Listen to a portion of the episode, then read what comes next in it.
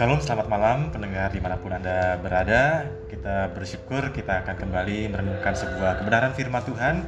Dan kali ini firman Tuhan akan kita baca dari Injil Matius pasal 22 ayat 15 sampai 22. Sebelumnya mari kita berdoa terlebih dahulu mohon pimpinan Roh Kudus.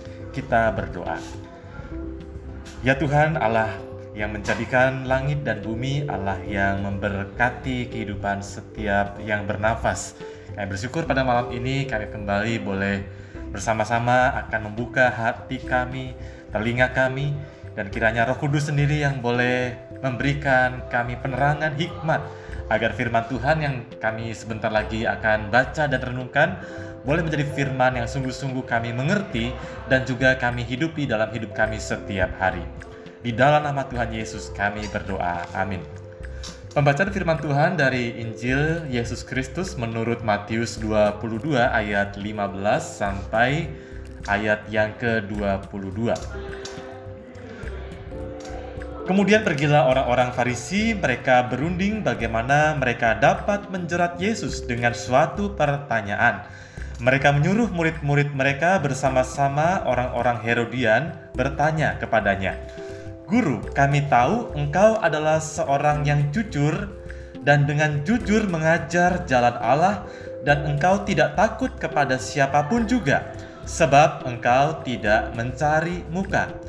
Katakanlah kepada kami pendapatmu, apakah diperbolehkan membayar pajak kepada kaisar atau tidak? Tetapi Yesus mengetahui kejahatan hati mereka itu lalu berkata, Mengapa kamu mencobai aku, hai orang-orang munafik? Tunjukkanlah kepadaku mata uang untuk pajak itu. Mereka membawa suatu dinar kepadanya. Maka ia bertanya kepada mereka, "Gambar dan tulisan siapakah ini?" Jawab mereka, "Gambar dan tulisan kaisar." Lalu kata Yesus kepada mereka, berikanlah kepada kaisar apa yang wajib kamu berikan kepada kaisar dan kepada Allah apa yang wajib kamu berikan kepada Allah. Mendengar itu heranlah mereka dan meninggalkan Yesus lalu pergi.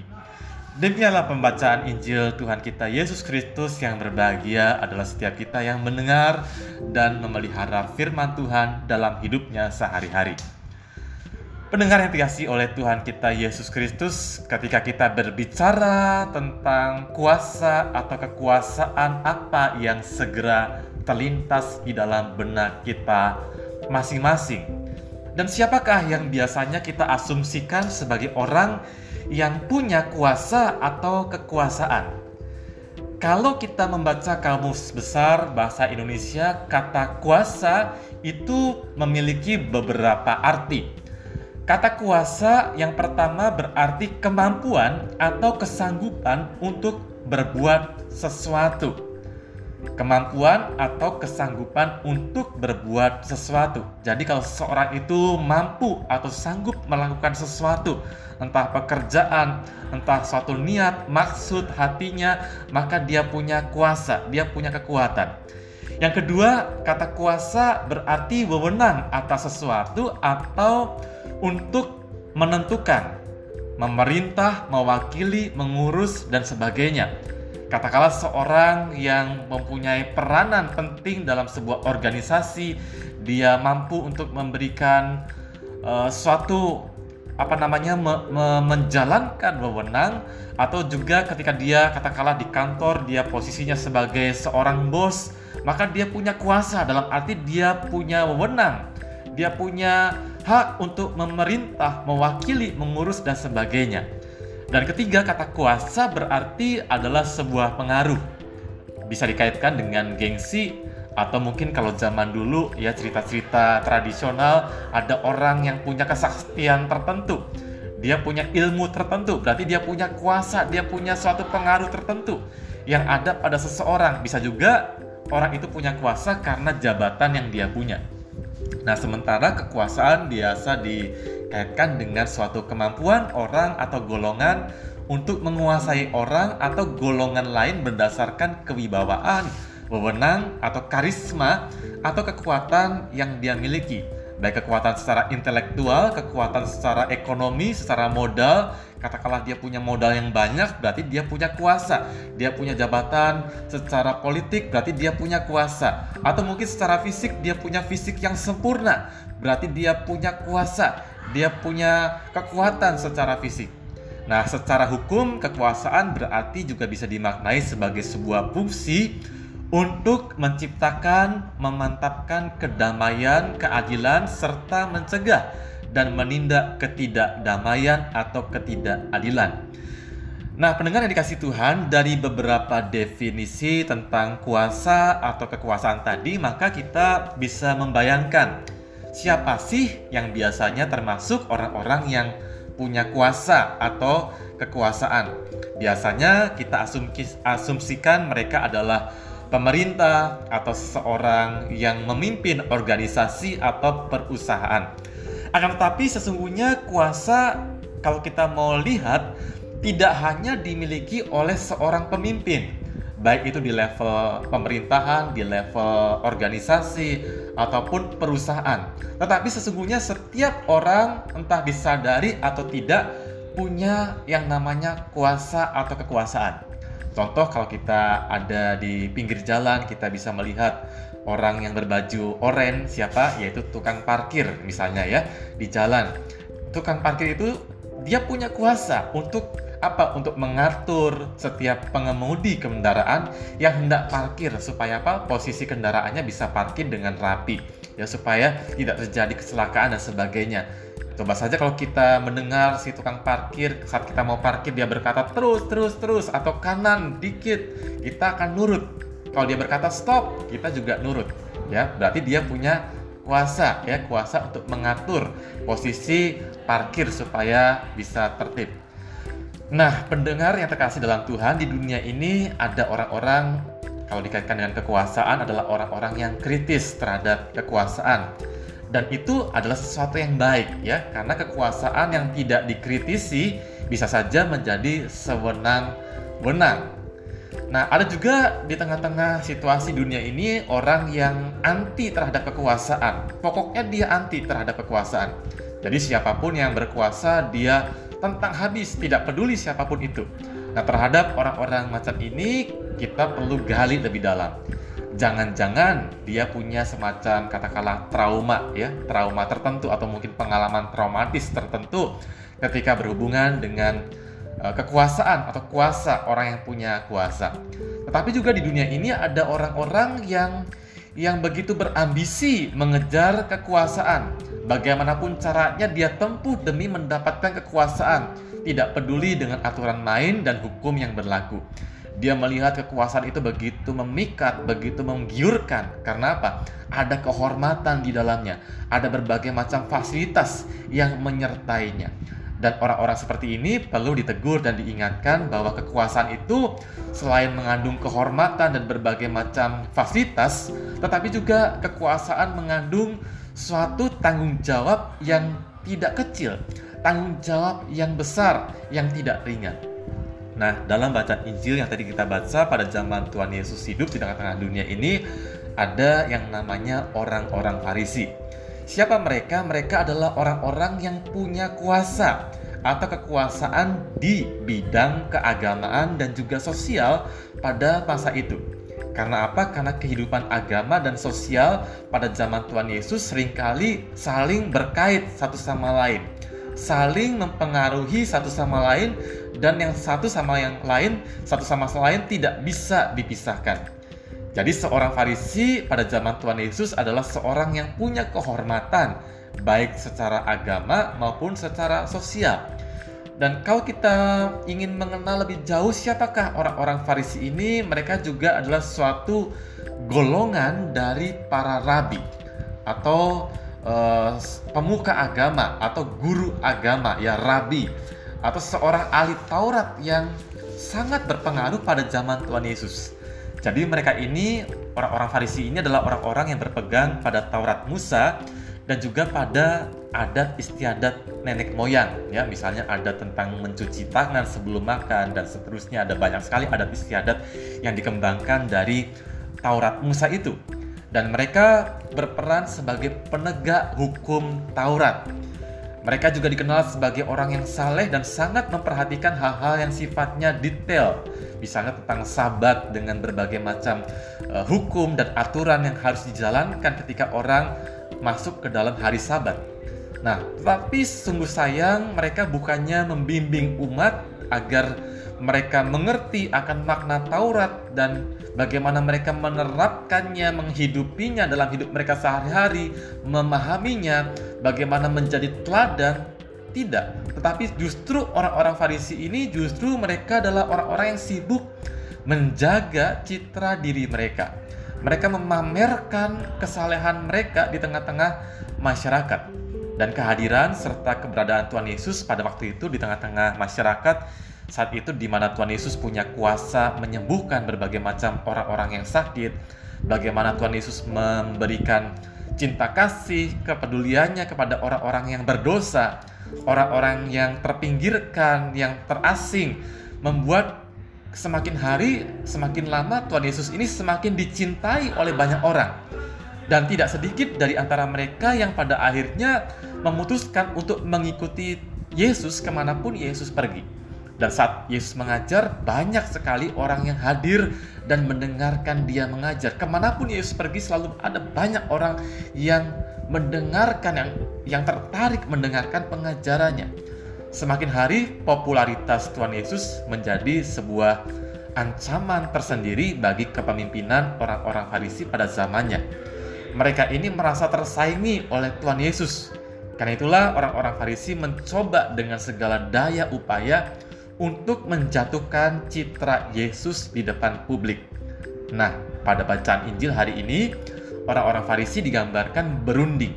Mereka berunding, mereka mengatur strategi, mereka menyusun rencana untuk menjerat Yesus dengan sebuah pertanyaan. Dan menarik, mereka kali ini bekerja sama dengan orang-orang Herodian. Siapakah orang-orang Herodian? Mereka adalah bagian dari pengikut setia Raja Herodes yang turun-temurun menguasai Israel dalam kekaisaran Romawi. Ini menarik ya. Orang Farisi yang adalah orang Yahudi justru bekerja sama dengan orang-orang Herodian yang adalah bisa dikatakan adalah uh, orang yang yang mengkhianati bangsanya karena bekerja untuk pemerintahan Romawi. Tetapi itu mereka abaikan demi menghancurkan citra Yesus. Dan sebuah pertanyaan disiapkan dan disampaikan pada waktu yang menguntungkan mereka. Kapan? Yaitu ketika Tuhan Yesus ada di Yerusalem. Yerusalem adalah suatu pusat pemerintahan Romawi di Israel pada saat itu dan juga pusat keagamaan Yahudi. Jadi ada dua ya, pusat politik yaitu pemerintahan Romawi di Israel dan juga secara agama adalah pusat keagamaan orang Yahudi karena di sana lah terletak e, bait Allah di sana. Dan pujian yang disampaikan oleh orang-orang Farisi ini mengawali pertanyaan mereka, tetapi sesungguhnya pujian ini adalah sebuah pemanis bibir saja ya. Karena sesungguhnya hati mereka dipenuhi kejahatan serta kemunafikan. Orang-orang Farisi itu melalui murid-muridnya bertanya kepada Yesus. Ayat 17, katakanlah kepada kami pendapatmu. Apakah diperbolehkan membayar pajak kepada kaisar atau tidak? Pendengar yang terkasih, sebenarnya mereka bukannya tidak tahu apa-apa tentang membayar pajak.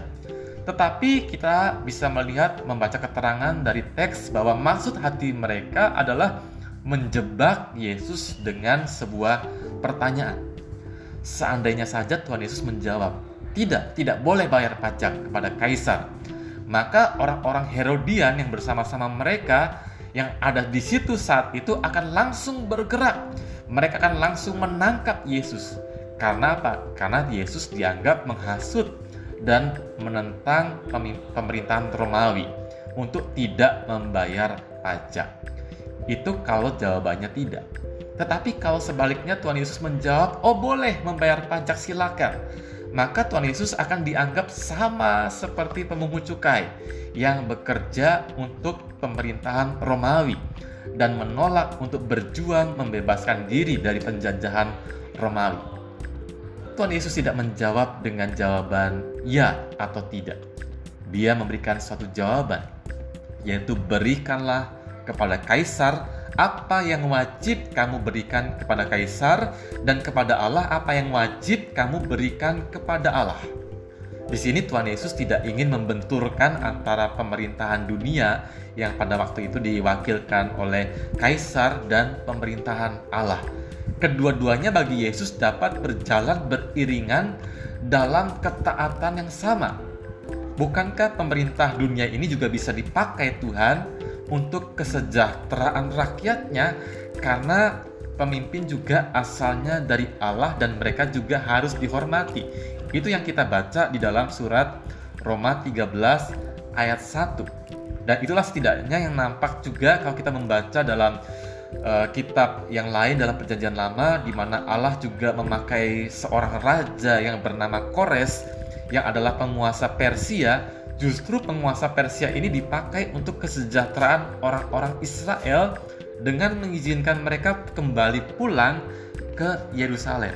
Kan sebelumnya mereka dibuang ya di tanah yang asing tetapi dalam zaman Raja Kores penguasa Persia orang-orang Yahudi ini atau orang-orang Israel ini diizinkan pulang kembali ke Yerusalem. Jadi Tuhan bisa memakai siapa saja yang yang memegang ya kursi pemerintahan untuk dapat memberikan suatu kebaikan.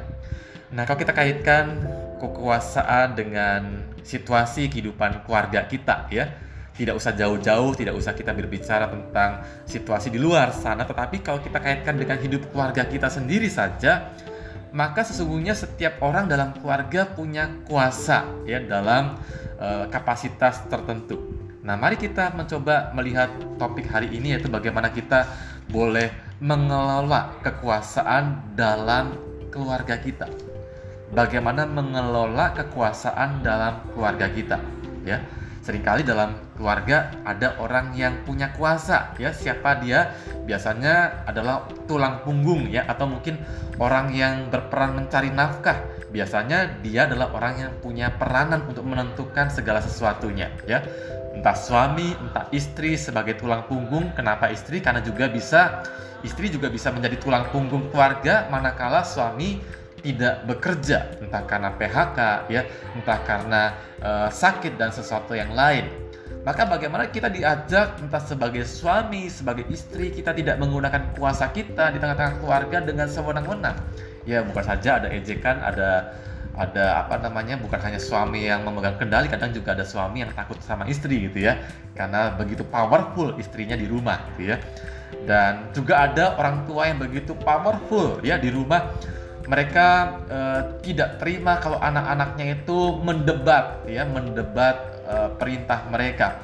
Bahkan orang tua yang cenderung menggunakan kuasanya dengan otoriter memaksa anak-anaknya untuk melakukan apa yang menjadi impian mereka. Anak harus belajar dengan keras dengan berat ya.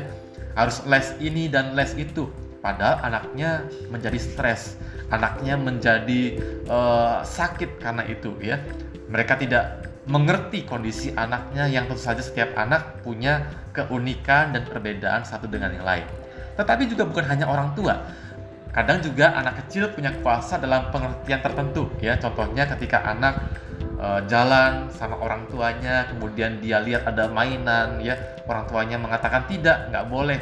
Anak itu meraung-raung, menangis-nangis, menjerit-jerit. Maka dalam hal ini anak punya kuasa. Lewat tangisan dia bisa memaksa orang tuanya untuk membelikan mainan yang dia inginkan. Jadi setiap orang sesungguhnya dalam keluarga siapa pun punya kuasa. Sesungguhnya nggak ada yang salah dengan kuasa, ya sepanjang kita boleh menggunakan kuasa itu untuk apa? Bukan untuk kepentingan kita sendiri, bukan untuk uh, apa namanya? untuk keegoisan kita sendiri, tetapi untuk kesejahteraan orang-orang yang Tuhan tempatkan di sekitar kita. Pendengar yang terkasih dalam Tuhan, saat kuasa dipakai untuk menekan, untuk menindas orang lain, maka yang terjadi adalah ketidakadilan dan juga penderitaan tetapi sebaliknya, kalau kita memakai kuasa yang diberikan pada kita, dan ingat, kekuasaan itu pada hakikatnya bukan punya kita sendiri. Kita hanya dititipi saja kuasa itu, ya entah kuasa yang besar atau kuasa yang kecil, kita hanya dititipi oleh Tuhan yang mempunyai kuasa. Jadi kita bukan pemilik kuasa tetapi kita hanya diberikan titipan kuasa itu oleh Tuhan. Ya, maka kalau kita sadar akan hal ini, maka kita tidak akan menjadi orang yang gila kuasa atau gila hormat atau haus akan kekuasaan. Karena kita tahu bahwa di balik kekuasaan mengandung sebuah panggilan, suatu tanggung jawab. Untuk apa? Untuk merawat, untuk memelihara, untuk menyatakan cinta kasih lewat kuasa yang ada pada kita maka kalau itu kita lakukan ya kita sadar bahwa kuasa asalnya dari Tuhan dan kita menggunakannya untuk kebaikan orang lain maka kita akan melihat suatu kedamaian, keadilan di tengah-tengah keluarga kita, bahkan di tengah-tengah masyarakat, komunitas kita, dan bahkan di tengah-tengah bangsa kita. Amin. Mari kita berdoa. Bapak di surga, terima kasih untuk kebenaran firman-Mu pada saat malam ini di mana kami boleh merenungkan tentang hakikat kuasa di mana kekuasaan atau kuasa sesungguhnya adalah mengandung sebuah panggilan, mengandung sebuah tanggung jawab. Ketika Engkau memberikan kami kuasa atau kekuasaan sekecil apa pun itu, Tolonglah kami menyadari bahwa bukan kami yang punya kekuasaan itu, melainkan itu hanyalah sebuah titipan daripada Tuhan. Dan biarlah kami ditolong oleh Tuhan untuk dapat menggunakan kuasa yang ada pada kami untuk kebaikan, untuk kesejahteraan orang-orang di sekitar kami, untuk kebaikan orang-orang yang Tuhan percayakan ada di sekitar kami, terlebih adalah keluarga kami kami ingin menjalankan kuasa entah sebagai seorang suami, sebagai seorang istri, sebagai seorang ayah, ibu, ataupun anak, ataupun uh, sebagai apa pun di tengah-tengah keluarga kami. Tolonglah kami untuk dapat menggunakan kuasa itu untuk kesejahteraan orang lain dalam hal ini keluarga kami. Sehingga keluarga yang boleh kami bentuk kami bangun adalah sebuah keluarga yang harmonis, keluarga yang penuh cinta kasih, keluarga yang yang penuh kedamaian, ketika kami boleh menjalankan kuasa dengan kerendahan hati, kuasa dengan kebaikan, kuasa dengan melakukan hal-hal yang baik yang bisa kami kerjakan terutama di tengah-tengah keluarga kami masing-masing. Terima kasih Tuhan, di dalam nama Tuhan Yesus kami berdoa. Amin.